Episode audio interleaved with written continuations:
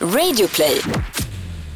Det är inte så att jag kommer inte ha någon monolog om det utan det är jättebra om du slänger in dina tankar kring det och vad du var Ja, med men om. bolla gärna över till mig för att jag har svårt att bryta in. Liksom. Har du verkligen det? Nej, inte ett dugg. Snarare tvärtom. Jag är rädd att jag ska bara...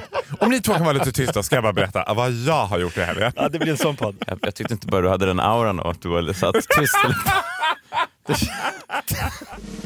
Live från Stockholm, Sverige. Du lyssnar på Freakshow. Ikväll.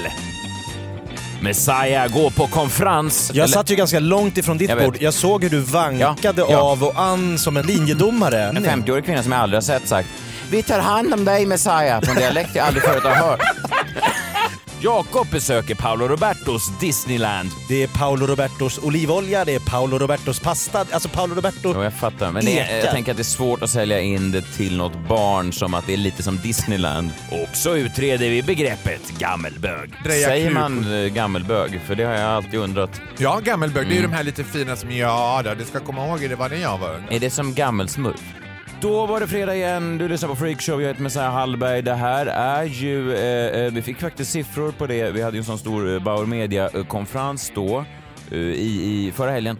Och så sa de då att av alla deras poddar, för det är ändå en hel del mordpoddar och eh, sådana knullpoddar och så vidare eh, och då hade vi gått upp eh, mest under förra året eh, lyssningsmässigt, 50% och det är ju Sa de inte, men indirekt förstod jag att det var en stor del var det då Jakob Öqvist förtjänst. Ja men framförallt så är det roligt när du då i, har sagt den snabbast växande nöjespodden Jag vet. så har folk skrattat lite och sagt ja, ja, ja. Vem Vilka, är han vilka, vilka, vilka skrattar?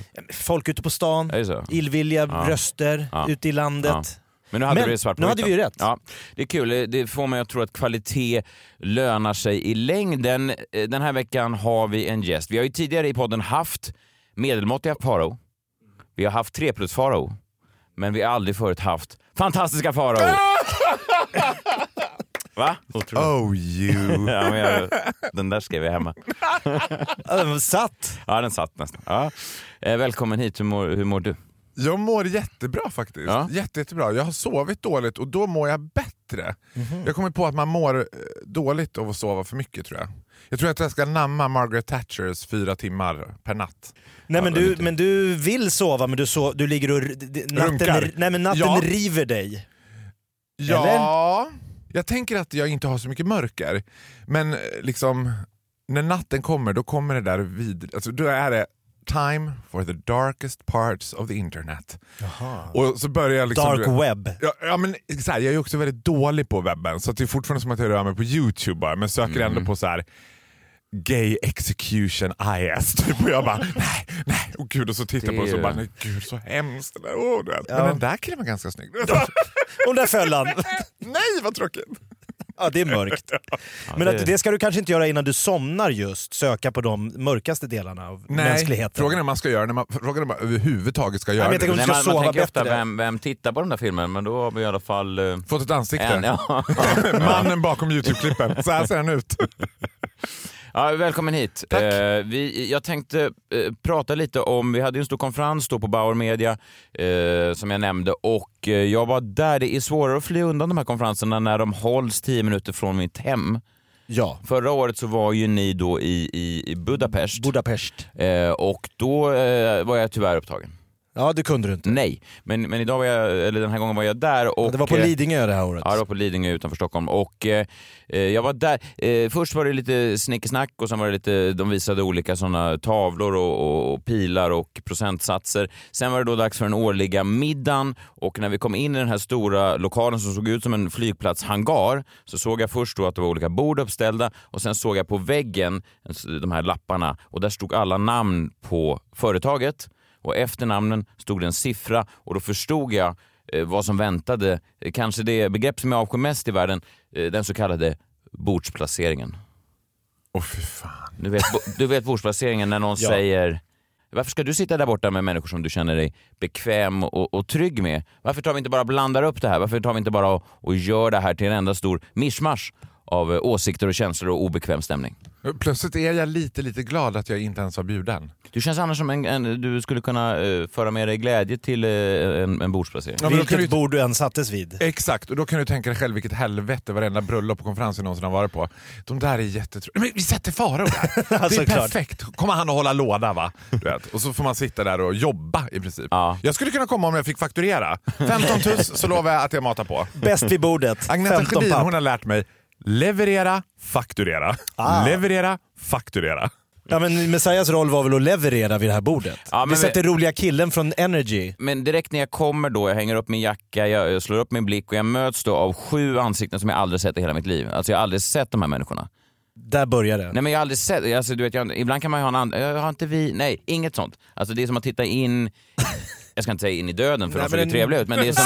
nej, men då, Mörk grotta? Nej men det är så, det är så mörkt, nej men det är bara att jag inte känner, alltså, och jag kan inte, jag kan inte styra över mina egna känslor så jag får som ett slags panikångestpåslag äh, av det här för det är en lång middag och jag är inte så bra i den här miljön så jag res, Jag satt ju ganska långt ifrån ditt jag bord, jag såg hur du vankade ja, ja. av och an som en så här, lite sidlinje, alltså linjedomare jag vet. innan du satte dig. Jag for upp och jag började vandra bort i lokalen, bort till några som jag kände igen. Jag såg er som fyrar i en hamn va? Va? Ja. Eh, så kom jag över till dig, jag kom över till Klara som jag jobbar med och så sa jag, jag kommer, det, här klarar, det, här klarar inte, det här klarar jag inte av. Nu blir jag psykotisk. Ja, nej, men det, det här klarar jag inte av. Va?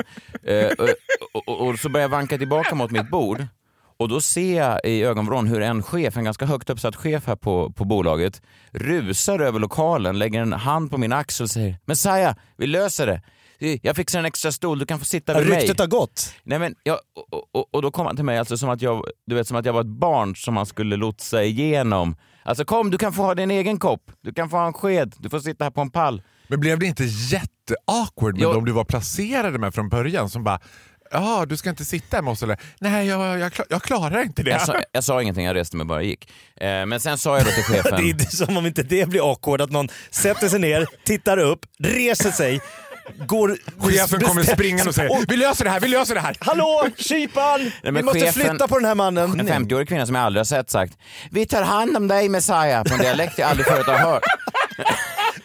Jaha. Nej, men, så jag kände mig plötsligt som ett barn på ett kalas. Så att jag sa nej men det är lugnt, jag sa till chefen gå och sätt dig, jag klarar det här. För det, jag förstod ju också som du sa, det blev ju, alltså, det blir ju, alltså, jag kan ju inte, jag måste ju kunna hantera det här som en vuxen människa. Ja. Jag är ändå över. Fast gud vad märkligt, för jag tänker att du inte alls har en så liksom jag tänker att du har väldigt mycket integritet. Din utstrålning är ju extremt mycket integritet. Ja, ja, att man inte skulle, jag tänker att mig tänker man, oh, he's like an open book. Ja, men jag tror inte att jag är det. Jag, är jag, jag, jag dolde det ju väl, jag sa ju ingenting.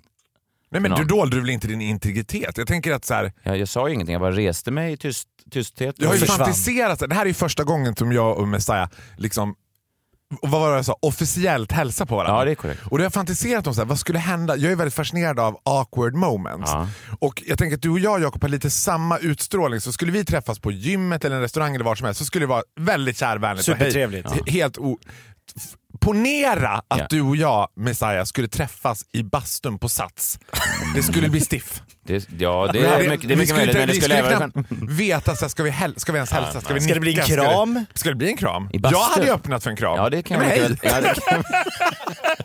Kom! Jag tar hand om dig Messiah! Du kan sitta här! Hallå!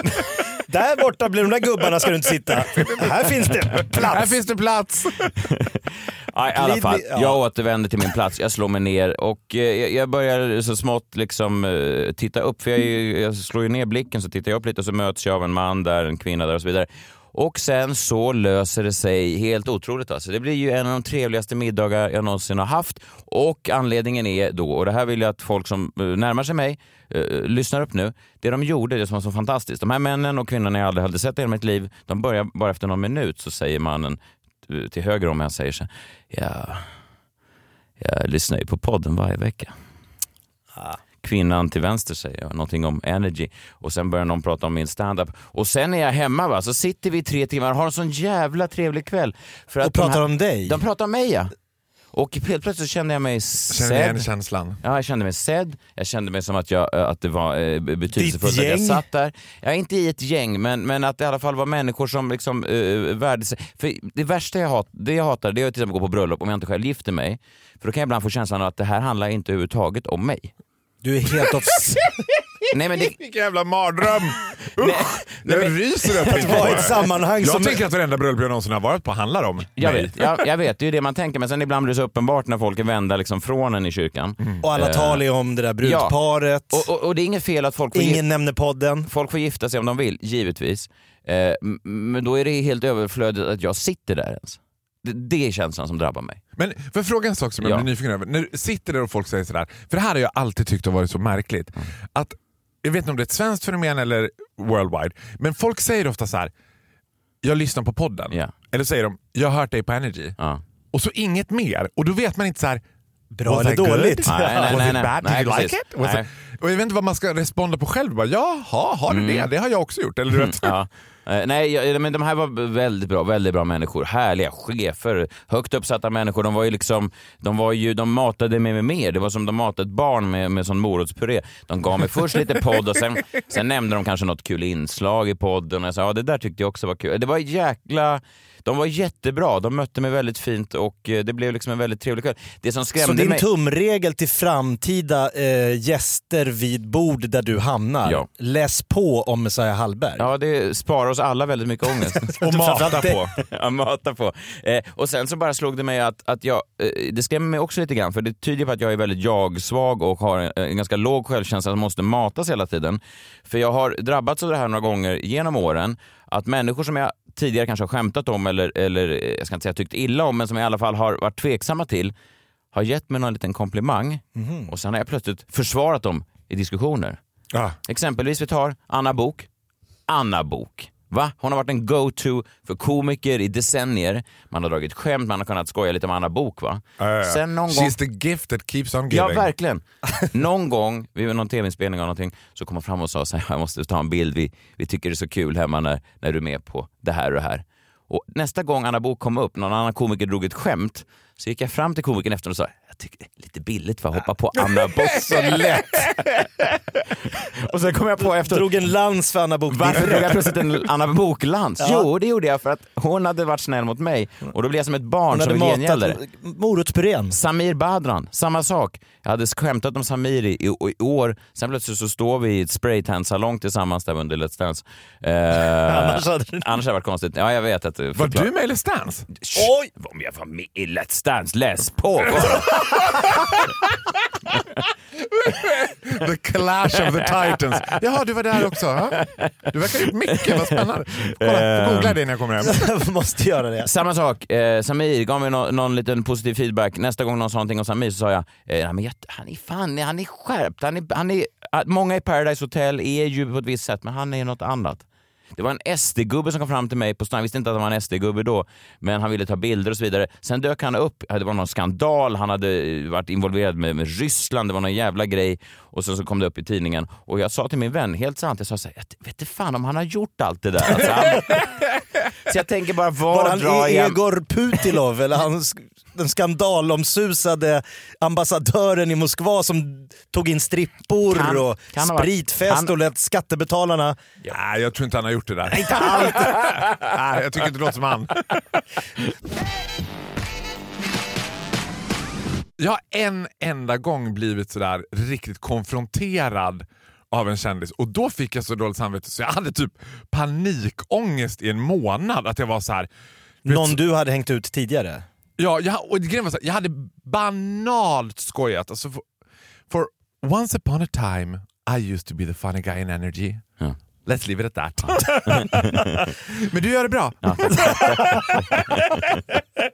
och då hade jag, så, då hade jag liksom randomly skojat om Bianca Ingrosso. Det var inte ens så att det var något genomtänkt skämt. Det var så, nej, nej, men det, och inte särskilt grovt heller. Nej. Och hon gick full on attack du vet och ah. bara och Vem du är den här? går på en ung tjej på det här viset. Och, du vet. Mm. och jag blev panik. Jag, bara, jag kommer ihåg att jag sa till August, det är över nu. Det är över nu. Jag har hela familjen Wahlgren efter mig. Oj. Ringer det på dörren så kommer det vara liksom Kristina Skolin som står där och bara vet, jag, jag var, You're jag var, messing with the wrong nej, girl. Jag var så här, det, blir, vet du vad, det blir inga mer premiärer, det blir inga mer galor, jag kommer få spark. Det här är, du vet jag är ute. Ja. Jag är nu mera lynchad, uthängd du vet. Ja.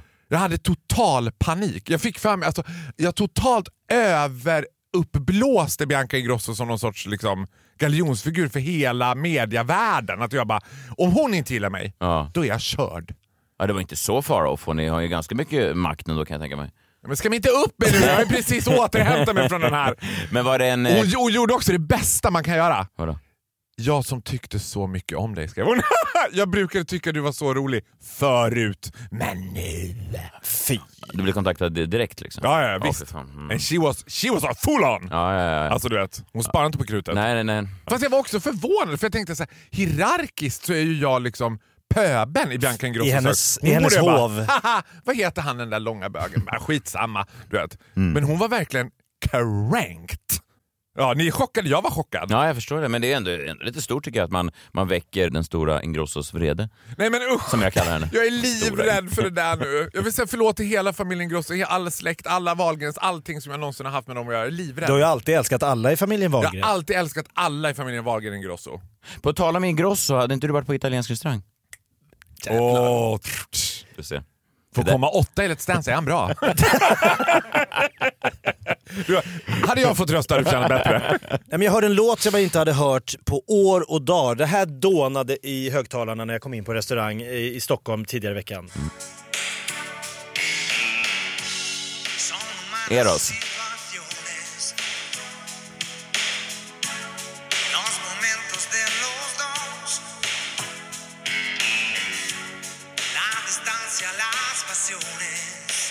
Men det har väl inte riktigt kommit något som har ersatt Eros? Alltså, det är fortfarande, man går in på en italiensk restaurang i, i, i Sverige så är det ju fortfarande det här som... Ja, det är det som Pumpas. absolut Eros. Det Alltså egen- det man älskar med Eros Ramazzotti är att man hör ju på rösten att han blir lite, lite kåt. På sig själv. Att, fan vad bra jag är. Han är nöjd. Men om Han du, om du är uppvuxen Faro i, i, i Borlänge, eh, på när eh, pizzerian slog igenom i Borlänge, var det inte, var det inte Eros som pumpades? Pizzeria Cantina. Ja, men var det inte Eros som pumpades? Om det Ja. var. Och, men, och Pizzeria Cantina var också en lite finare restaurang i Borlänge. Okej. Och som pappa sa, där har de inplastad meny. Då visste man, det här är Escatola Vesuvio. Nej, men jag gjorde en liten upptäckt där, se om ni känner igen er här. Det här är då eh, Panefresco, det är Paolo Robertos lite lyxitalienare högst upp på Åhlénshuset i Stockholm. Eh, det är lite som att komma in på Disneyland för allting är liksom Paolo Roberto. Man kan köpa hans 15 minuter träning med Paolo Roberto. Det är Paolo Robertos olivolja, det är Paolo Robertos pasta. Alltså Paolo Roberto... Ja, jag fattar. Men det, Ekar. jag tänker att det är svårt att sälja in det till något barn som att det är lite som Disneyland. De kommer in, titta. Det är Fast för Paulos ensamstående bok. mammor i glesbygd Jo. så är det ju alltså, det är ett snäpp över Ladies Night. Och, få- och alldeles om Roberto cirkulerar i Skulle kulisserna. han dyka upp? Vilket han gör! Det är som om eh, Musse Pigg dyker upp på Disneyland. Men alltså, ganska ofta dyker ju Panne, alltså, Han gör det. Paolo Roberto är ganska ofta. Jag är ju väldigt hemtam på just Åhléns city så att jag äter ju nästan lunch varje dag på Panne Oj, ja men då ska vi se om du känner igen eh, de spaningar jag gjorde därifrån. Eh, Romarriket har aldrig fallit för de italienska servitörerna. Vet du vad jag tror? De har sån swag! Absolut, men jag tror inte de är italienare. Nej, det, men tror du det, inte att de är från Balkan bara? Att det är, Ja, det- ja, de inhyrt. lär sig några fraser. Si. Va bene! Che cosa! Och så tycker man att det här är så jävla genuint. men egentligen är det Kosovoalbaner. Nej, Jag, jag vet Ja. att, jag, jag vet att eh, vår vän JVL, han, eh, han hade en favorititalienare, så kom han tillbaka från en, han hade varit i, några dagar i Rom, och så kom han tillbaka med några italienska fraser som han då skulle använda på sin eh, älskade italienska restaurangs ägare. Och så visade det sig att den här italienska ägaren var ju från Rumänien eller någonting, han förstod inte ett ord. Eh, och Ja, men hela, det, alltså, vi ska tacka. Balkan, det var de som tog pizzan till Sverige. Det var ju inte italienare. Det, that is an urban myth. Nej men för de här kyparna som gick runt, de var liksom, det spelade ingen roll hur de såg ut egentligen, men i de här nystrukna blåa skjortorna och de här svarta hängslena så var de snygga oavsett hur de såg ut. ja. Alltså de De förde bar- sig runt Ja. lätt och ledigt. Mm. Och de kl- kliade små barn på kinden och de kindpussade de här Östermalmskvinnorna. Ja. Som, kvinnor som kom med solglasögon som diadem. Och så Åh! Kerstin! Och det är någonting också man ser Alltså, när det kommer en familj, att här, mannen har liksom lurats dit lite och så fort de har satt sig och servitören lite. då inser mannen, han bara Aha, Marie-Louise, vad fan! Det var det här. Ja, nu fattar jag. När liksom kyparen kom fram bara, ah, Marie-Louise. mwah, mwah." För metoo har ju aldrig drabbat Italien. Det var inte jättestort i, i Italien eller i Danmark. Det var de två länderna. Där Var det så? Ja, där är ju... Nej, men för Italien det- hade YouTube Nej istället. men för typ, de hånglade inte. Me too, you too. You Ah, too. che Thank you. Det var en hyllande Ja, visst. Mm, är- Me too, you Una donna prosporosa. Nej men för det var väldigt mycket tafsande på den kvinnliga crowden. Alltså de här kyparna fick göra vad de ville. Ja, det, Och de nej, men fnittrade, de jag här tror inte svenska att de kvinnorna, fick göra vad från de ville. Stadsteatern. Jag tror inte att de fick göra vad de ville. De ska göra vad de vill. Det är det som är hela poängen. Alltså, du vet, annars går man inte dit och betalar Det var ju dyrt, 260 200 för en pizza. en liksom, capricciosa. Jag noterade också att pizzabagarna skrattade, i, det har jag aldrig sett, skrattande pizzabagare. Har du sett dem? Ah, också när man går ut därifrån Ja, så tittar man på den och skrattar lite Vrålskrattar. Du åt hund.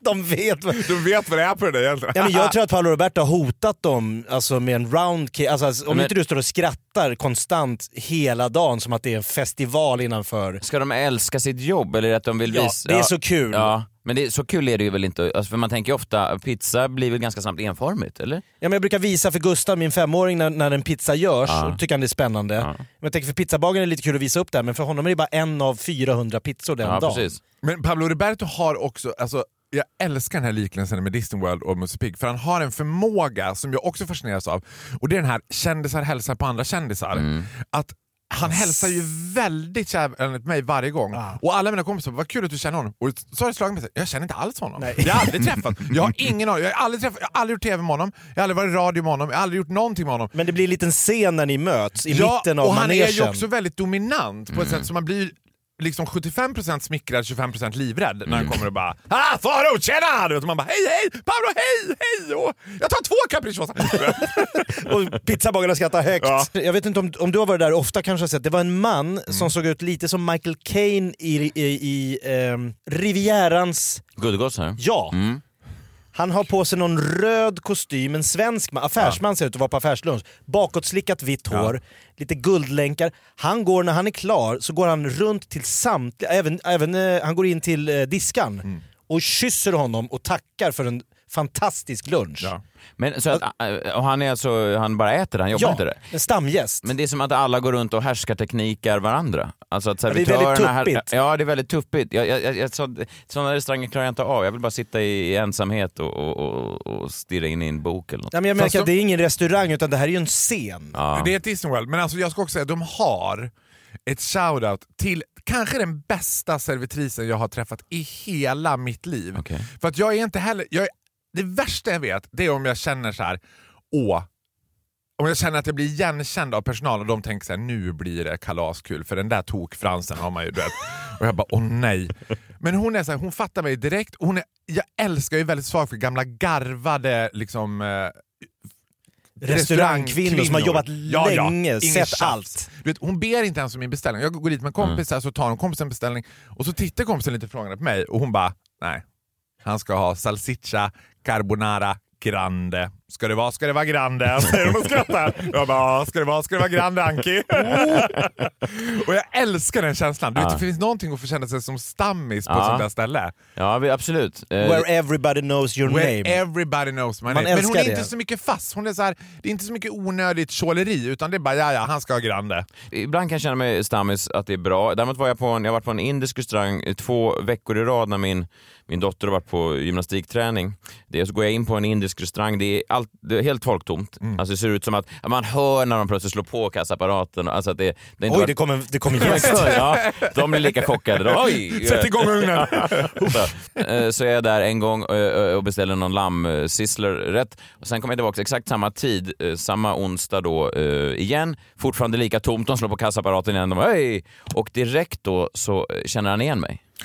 Alltså direkt, vilket är ju både fint men också sorgligt för då förstår jag att ingen har varit inne där på sju dagar sedan jag lämnade sist. Men det här går ju inte i linje med din självbild. Jag tänker att du ska vara säga jag kom tillbaka fyra år efter och han kände igen mig. Ja, men det var ju grekisk- Grekisk, förvånande. grekisk ö. Hur många har inte de haft på den där lilla tavernan? Ja, men, och då kommer han fram direkt, Åh! tar emot mig ganska storsint sådär och så säger han Åh, samma som alltid. och så säger jag Som alltid! Ja, som vi var förra onsdagen och jag sa faktum är att jag gärna tar något annat. Och då ser jag på honom att han, att han sjunker, alltså, att, som att jag kritiserat hans lamm. Och så kommer han med menyn och så säger han, här, ta, ta en titt. Men det där är helt hemskt när Ja. man hoppas att man ska bli... Alltså jag flög till Helsingfors eh, häromveckan och då flyger man från Bromma med Finnair och jag är ju också besatt av flygvärdinnor. Jag har en, en total psykiskt ohälsosam relation till flygvärdinnor. På vilket, på vilket sätt? Nej, men jag är, där, där kan vi prata om Musse Pigg på Disney World. Mhm. Alltså min pojkvän sa till mig en gång att så här, man förstår inte dig till 100% förrän man har flugit med dig. Jag sitter ju som att det är min stora dag varje gång jag flyger och, bara, och tittar på hur de liksom rikt älvor hanterar den här mittgången och det ska stängas overhead compartments. Och det, och det, alltså jag älskar också känslan av att de också beter sig som att det är väldigt viktigt det de gör. Allt. You need to follow that, follow that tray table. Du vet. Och Mm. då tänker man så här, om vi störtar skulle jag tänka tur att jag föll upp bordet. Nej, nej, det skulle man antagligen Och så flyger jag Finnair och, så är, och då är det lite propellerplan så att flygvärdinnan sitter liksom, hon skjuter ut en stol och sitter facing everyone i mittgången. Och jag sitter längst fram jätteglad. Och så säger hon till mig, Do you speak English or Finnish? Och jag bara, English? Yes. Are you comfortable sitting in emergency exit? Jag bara, ah, du vet. Och så sitter jag och försöker få kontakt med henne. Hon är ju finsk så att hon har inte haft kontakt med en människa på säkert tio år. Så hon tittar bara rakt fram och ger inte, hon ger inte en vink till mig. Dagen efter flyger jag tillbaka till Bromma och upptäcker det är samma flygvärdinna. Du vet. Så jag blir ju helt såhär, men gud det är samma unga tjej du vet. Ja. Och jag går mot henne och jag sitter på samma plats, mitt emot henne, jättenära, ler och skiner upp och nej men hej! Och hon säger Do you speak English or Finnish? och jag bara nej! Men it's me! Var det bara it's jag? the fantastic Pharaoh! it's not just any ordinary Pharaoh! Three plus. This is the. Jag var så jävla Det var som att liksom min relation till flygvärdinnan took its turn. Så hon var då motsatsen till min indiska eh, kypare? Som, eh, Ja exakt, mm, hon var helt precis motsatsen. Hon Ja. gjorde klart för mig att så här, to me you're just like anyone else. I didn't even know your face. Jag vill ändå ge Paolo Roberto att han har ju ändå gått från en värsting i Kungsträdgården Ja. på glid till att ha ett imperium. Paolo Roberto-imperium. Det är ändå imponerande måste man ändå säga. Verkligen. Eller hur? Ja, verkligen. Så shout-out till Pa- och att du är där varje dag och äter Faro, det är ju nästan... ja, och alltid äter det salsiccia carbonara con Gran- salsiccia grande. Grande. Si. Ska det vara ska det vara grande. Vem är nästa kändis som skulle kunna starta ett liknande imperium? Ja, men det där går inte, du måste ju ha den själv. Ja, kanske du själv. Fast, ja. Faraos fantastiska fine dining. Fika. Fika. Gud, då vet man att shit is going down. Ja, då är det, om du har ett litet café i Borlänge. Borlänge Fantastiska Faraos fika. Det var Farao. Och du Det är jobbar ju- där varje dag. Det är ju min framtid som gammelbög. Jag kommer ju lära mig dreja Säger kruk. man eh, gammelbög? För det har jag alltid undrat. Ja, gammelbög. Det är ju Mm. de här lite fina som, ja då, du ska komma ihåg det var när jag var ung. Då var det inte så himla enkelt. Är det som gammelsmurf? Ja, exakt. De är väl också ofta ganska lika. Förutom att gammelsmurfarna är ju kloka. Gammelbögarna är ju inte, Nej, det finns ingen visdom där. inte på samma sätt. De, Nej. de minner ju om en svunnen tid mer än att de kan... Liksom... Men de har ju sett gaykillar komma och gå och nya generationer som ska bryta. Alltså, men de var ju liksom, vi gjorde det från början. Men kan man liksom en- ringa upp en, en gammelbög om, om man sitter ett gäng unga killar och har frågor? Alltså om man behöver... on, en onlinebög? Nej, en gammelbög, alltså en, som en gammelsmurf kommer ju ofta in om de här unga smurfarna inte Ska lära er kan att lösa ett problem så ringer de in. Vi Gam- ringer gammelbögen. Bara, ja, gammelbögen, god middag. Har de det på Ja. QX-galan, årets gammelbög? Det är ju inte så mycket bögar på QX-galan. Jag tror inte att det är... Det är mest kändisar och Alice Bah Kuhnke. Ja, alltså det här... Det, nu ska jag inte... Jag Ja men politikerna vill ju synas på QX-galan, det är ju väldigt många pluspoäng. Ja, ja, gud ja. Men alltså så här, jag ju, har ju aldrig blivit bjuden på QX-galan. Va? Nej, men för att Eller det, va? Jag, det men- behöver du inte bli. Jag Nej, men det var lite målande för att mina, liksom, mina hockeykillar från... Men du Va? är Du är, väl... du är till och med... Du är ju QX-galan! jag kör QX-galan 364 dagar om året och så får de en dag de själva.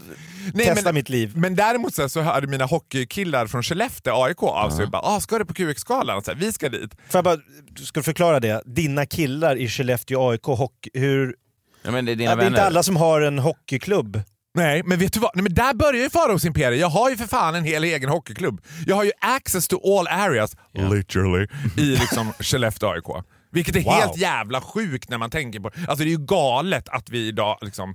Det, känns att ju inte svå- det är ju inget som är mer heteronormativt än Skellefteå Hockey. Nej men lite tror jag att det är därför alla bögar hatar mig, för att de avundsjukan vet inga gränser. Att du finns jag har i- ju brutit mark where no gays went before. Har man varit i Skellefteå AIKs omklädningsrum, där har, alltså du vet, Nej, de, Nej, det- nej, det, men det var också en twilight zone. Alltså det var som bortom Disney World och komma in och bara Hark the herald angels sing. Det slog lock för öronen på mig. Det var, alltså det svartna, det var så som ett vakuum. Det var för mycket på en gång. det var det enda jag hörde. Och halvnakna Och de bara hockeykillar. “Farao, jävla king du är” och jag bara "Ah." Och de var så ja men ska du på QX-galan? Jag bara nej, men de var bjudna. Jaha. Så att det är mer ett kommersiellt jippo tänker jag. Att man liksom, Där, där eh, kända människor kan få bara gnugga av sig mot hbtq-rörelsen lite grann och visa att de är eh, mer medvetna. Och, Ja, men det är väl få saker som känns mer liksom förlegat idag än att göra liksom gayfrierin på det sättet. Att man ska få med sig den. Ja, Jag tror, jag tror bland, bland kändiseliten är det nog fortfarande ganska... Alltså att om du, om du kan visa upp det kanske med en homosexuell och sen en kvinna i rullstol på en bild, då, då, då kan du få leda. Får du en homosexuell rullstolsbunden kvinna, då är du i hamn. Men en åtta plats i Let's Dance borde väl vara nyckeln in någonstans till något bord. Men jag har alltid tänkt, alltså det här är fullaste allvar, nu låter det som jag kommer på det in the moment. Men min första take på dig Messiah var att så här, undra vad han har för relation till gays. För Ja. du har ju ändå en ganska homoerotisk utstrålning. Verkligen. Alltså homoerotisk slash psykopat. Och Ja, då ja, tänker jag så här, ja. det är ju väldigt appellerande på bögar men du känns ju extremt otillgänglig. Ja, men det, Jag tänker att, do you have any gay friends? eh, jag har en gång blivit eh, erbjuden... En att- gång sett en bög. Nej, nej, jag har en gång blivit erbjuden av en eh, komikerkollega att eh, gå hem och onanera tillsammans. Mhm. Eh, Det, det där måste ha varit en gammal bög. Vem säger, skulle du vilja promenera hem och onanera tillsammans? Jag har portvin. Okej. Ja. Kringlor. Kringlor, småkakor, portvin, onani. eh, nej, men, eh, nej, men annars har jag väl inte... Vad var frågan om jag hade Känner rört några- en penis? Känt en penis? Nej, känt- inte Nej, så, utan homosexuell. relation till liksom... Nej, men jag har en bra relation till eh, hbtq-världen. Tack. Ja. Och den är besvarad. Nej, jag har ingen aning. Jag, jag vet inte ens. Jag, jag, man reflekterar inte så mycket över det, tänker jag. Alltså, Jag tänker Måns Zelmerlöw hade ju lite så här homofoba uttalanden med Pluras kök men han blev ändå inbjuden och ledde galan. Så att, Jo men det där är också superkomplext för att för att bli gay-ikon så måste du ha en väldigt ambivalent relation till bögar. Det går lik. Carola. Lik Carola, Diana Ross som än to dags datum hävdar att monsterhitten I'm coming out handlar om att hon släpp- släppte ett nytt album. Det har ingenting med Ingenting som- de, de fick ju lura henne. De som skrev låtarna, men de lurade ju henne vad den handlade om. Den var väl ett, ett, någon slags gay-epos? Alltså, egentligen. I'm coming ja, out, Ja, men den handlar ju om I det. want the world to know, gotta let it show. Man bara... Mm, Ja, men, vad för, men de sa väl till Diana Ross att den handlar egentligen bara om att du... Alltså att, Ja, ja, ja. Nytt annars, annars, skulle hon inte få, annars skulle hon inte framföra den. Wow. Ja, så det är ändå starkt. Det är starkt Så att vara... jag, menar, jag tror alltid gayvänner att det finns den här homoerotiska fascinationen för elaka killen i 9B. Att det finns så här, som personifieras av Måns Zelmerlöw. Liksom. Som satt längst fram, log och sen pissade i skolväskan. kanske till och med flörtar lite på skoj. Ja, vad trodde du jävla äckel? Ja, det, där, det där har jag aldrig gjort. Jag har varit... Jag avböjde eh, trevligt men bestämt den här eh, onaniförfrågan. Ja. Jag sa, jaha du, eh, jag måste hem. Då blev det inget. Som du alltid säger. Ja, det är tråkigt. Det är tråkigt. Men eh, två tummar upp eh, för hbtq-världen från Hallberg. Fortsätt. Två av fem eller? Nej, två av två. Ja då är det ju bästa, högst Riktigt. Fortsätt med det ni Kör gör. det, kör. Kör på eran grej. det verkar ju funka. Fortsätt leva som ni gör, det är kul. Jag är, jag är för än så länge. Jag tycker det är kanon. Verkligen. Då kan jag berätta att den här veckan görs Freakshow i samarbete med Ferratum. Ferratum som erbjuder kreditlån som du enkelt ansöker om på nätet. Du kan ansöka om ett belopp mellan 1000 till 45 000 kronor och pengarna du beviljas betalas ut till ditt Ferratum-konto. De flesta kan få en kredit av Ferratum, men det görs såklart alltid en individuell bedömning, vilket betyder att Ferratum inte kan garantera att du blir beviljad. Däremot behöver du ingen säkerhet i form av till exempel ett hus för att få lånet. Allt du behöver göra för att få lån av Ferratum är att identifiera dig med bank-id. Tänk på att det här är en högkostnadskredit. Kan du inte betala tillbaka så riskerar du en betalningsanmärkan. På Hallå konsument kan du läsa mer om just detta. Gör din ansökan på ferratum.se. Ett poddtips från Podplay. I podden Något Kaiko garanterar östgötarna Brutti och jag, Davva, dig en stor dos skratt. Där följer jag pladask för köttätandet igen. Man är lite som en jävla vampyr. Man har fått lite blodsmak och då måste man ha mer. Udda spaningar, fängslande anekdoter och en och annan arg rant. Jag måste ha mitt kaffe på morgonen för annars är jag ingen trevlig människa. Då är du ingen trevlig människa, punkt. Något Kaiko, hör du på Podplay. Därför är gardinerna. Jag läste en eh, artikel av Johanna Frändén på Aftonbladet som hade rubriken “Kändismännen är slående obekymrade över åldersskillnaden”. Eh, en ganska eh, rolig text om eh, ja, då att många eh, kända män har yngre kvinnor. Den tog också upp det faktum att många eh, äldre kvinnor nu också har yngre män. Till exempel Karina Berg och, och Erik, Camilla Läckberg och Simon, Jessica Almenäs och Patrik, Laila Bagge och Korosh Korosh. Korosh, 18 år äldre där, eh, Laila. Men... Eh, hon... Är det 18 års skillnad mellan Ja. Korosh och Laila? Ja, You gotta fucking love Laila. ja men det, det, är, her life. det är bra. Men sen nämner han också då några, några manliga. Joel Kinnaman, 16 år yngre. Peter Magnusson, 16 år yngre. Dolph Lundgren då, som ändå får man säga slår något slags rekord. Han är 62. Bekräftar förhållandet med norska Emma, 24. Det är ändå en... Lite besviken att du inte sa Farao Groth, 13 år yngre. Just saying. Ah, August. Har, har du en, en pojkvän som är 13 år Ja, yngre? ja, Okej. exakt. Så jag fun- sällar mig till den här Ja. kändis... Hur funkar det? Superbra! Ja. Jätte, fantastiskt bra, men det beror ju också väldigt mycket på honom. Ja.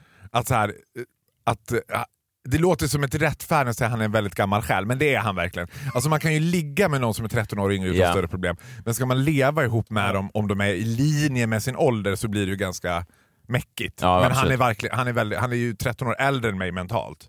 Han är en gammelbög. Ja, jag förstår. Det där är, det där är intressant. Jag kommer återkomma till det. Sen har vi ju Schyffert, då, Henrik Schyffert och Nour El Refai som har 20 år emellan sig. Och eh, jag vet inte, är det någon som vet om Nour har fått barn?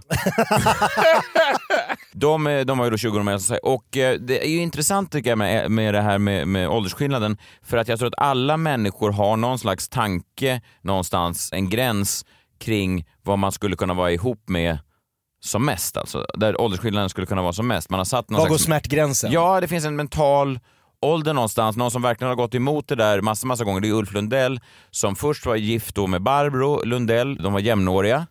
Eh, och sen så har han då börjat dejta yngre och yngre och yngre och yngre. Och i en intervju för en 15 år sedan så intervjuade de då hans första fru Barbro Lundell.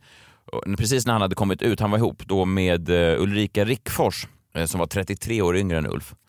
Och då frågade de exfrun, så här, "Ja, men vad tycker du om det här egentligen? Och då sa, då sa exfrun, jag, jag, vet inte riktigt vad jag skulle prata med en 22-åring om.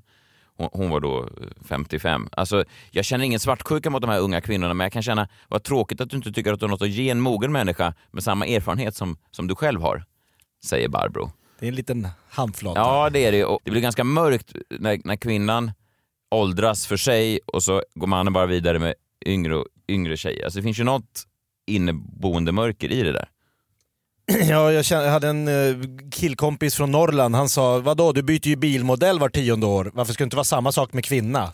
Ja, Ja, ja nej, det, det finns ju viss... Alltså, det, var, det får stå för honom. Han kunde inte Varför förstå... skulle han vara just från Norrland? Nej, men han, var, han var från Piteå, Per. det var du va?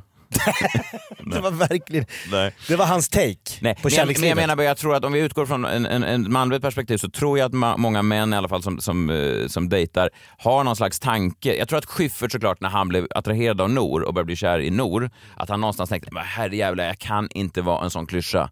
Som att jag eh, liksom, eh, gör- ett uppbrott där. i mitt äktenskap och skaffar en 20 år yngre tjej. Jag, jag är ju en medveten man, jag kan ju inte, jag kan inte falla för det här. Det här är jävlar, jag kan ju inte vara en sån person. Alltså jag, borde, jag är ju 50, jag borde ju leta efter någon som är 50, någon som jag kan prata med, eh, säger hans hjärna.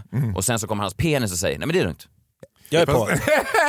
Nej men jag tror att det, det, det var var det Platon som sa, penisen vill ha vad penisen vill ha. Kanske inte Det var väl Glenn Platon. Hysén? Ja det kan ha varit någon av dem. Eh, Någon stortänkare. Stor tänkare någon av dem. Frank Andersson tror Ja, jag. Frank Andersson var det!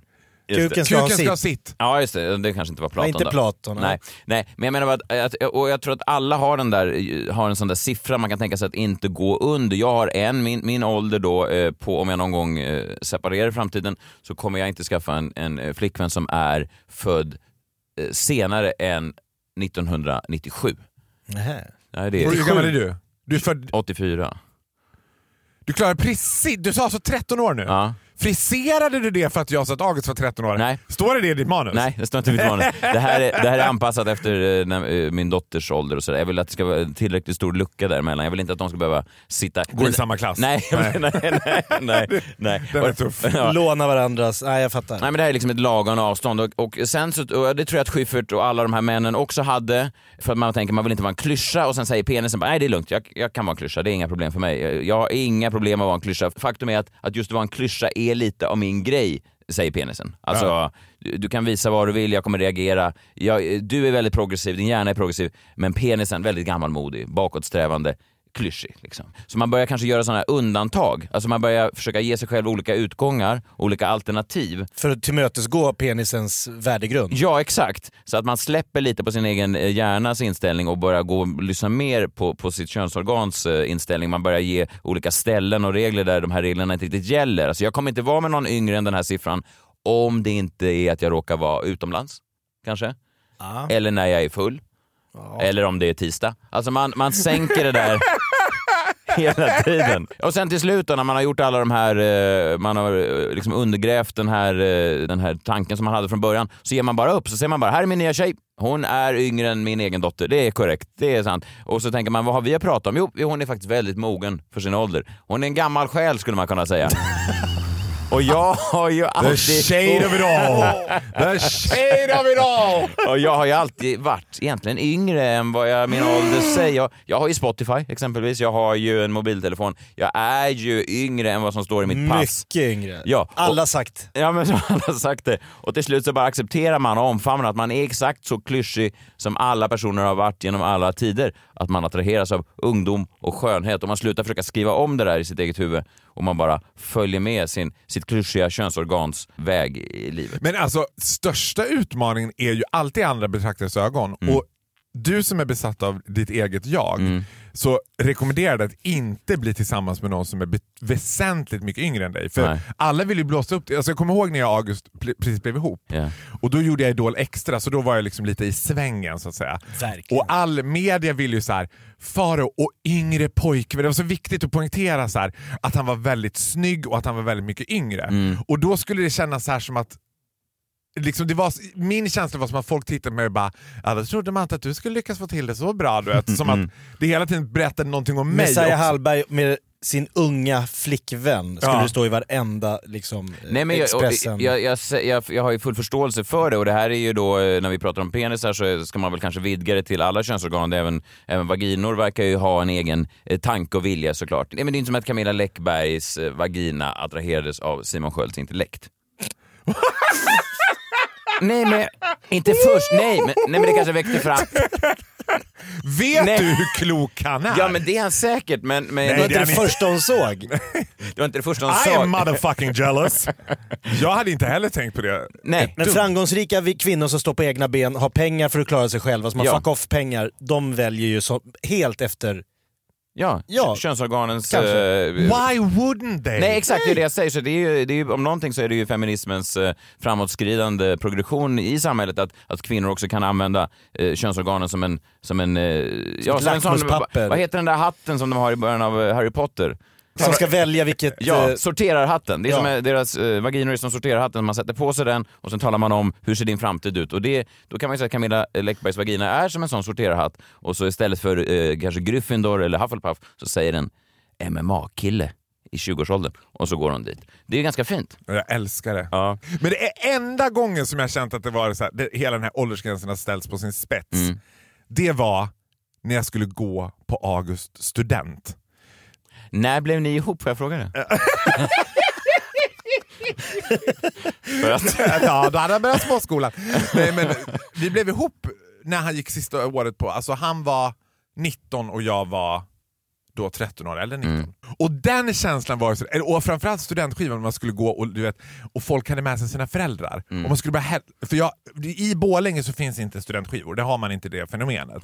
Så jag hade aldrig varit, jag visste inte vad det var. Jag sa till dem, men kommer folk ha med sina föräldrar? Nej, inte på en studentskiva sa han. Och vi kommer dit, alla har med sig en förälder. Så då ska man, du vet, i början ska liksom ungdomarna ställa sig med sig och så ska föräldrarna bara ja, Hejsan, Stefan heter jag, jag är Ulrikas pappa. Ja, jag heter Marie-Louise, jag är Martins mamma. Och jag bara, och jag heter Farao och jag är August pojkvän. Ja, så lever vi. Jag vet, det är sjukt.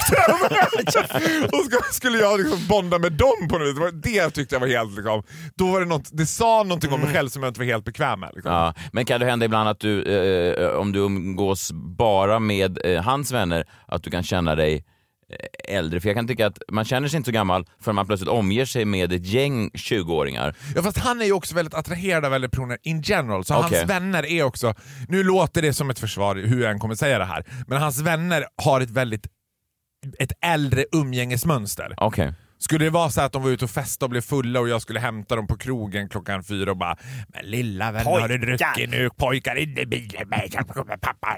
Då hade det varit tuffare. Och obehagligt. Nu var du med och festade. Ja, jag är ju en väldigt ung själ.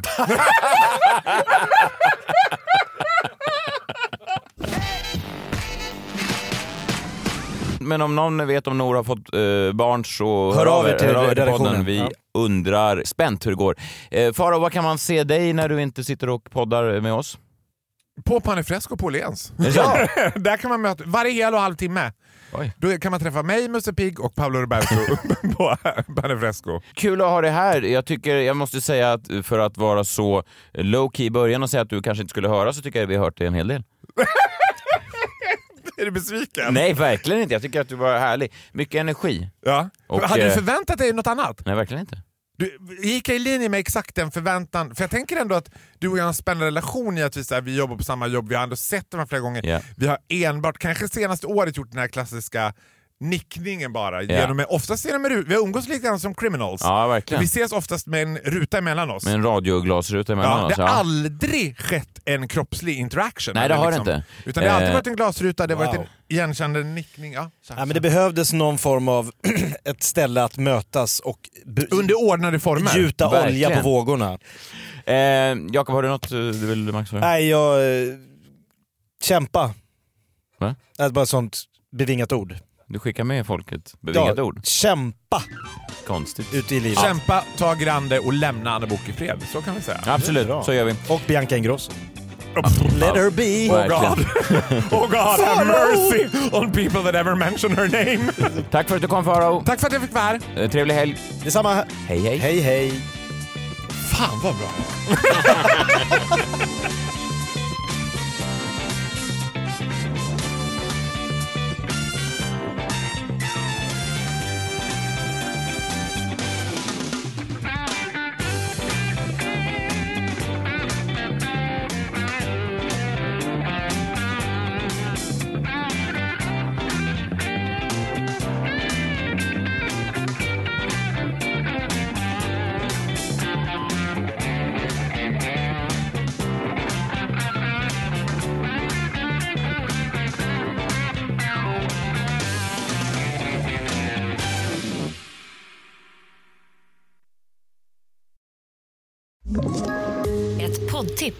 Podplay. I fallen jag aldrig glömmer djupdyker Hasse Aro i arbetet bakom några av Sveriges mest uppseendeväckande brottsutredningar. Går vi in med hemlig telefonavlyssning och, och då upplever vi att vi får en total förändring av hans beteende. Vad är det som händer nu? Vem är det som läcker? Och så säger han att jag är kriminell, jag har varit kriminell i hela mitt liv men att mörda ett barn, där går min gräns. Nya säsongen av Fallen jag aldrig glömmer på Podplay.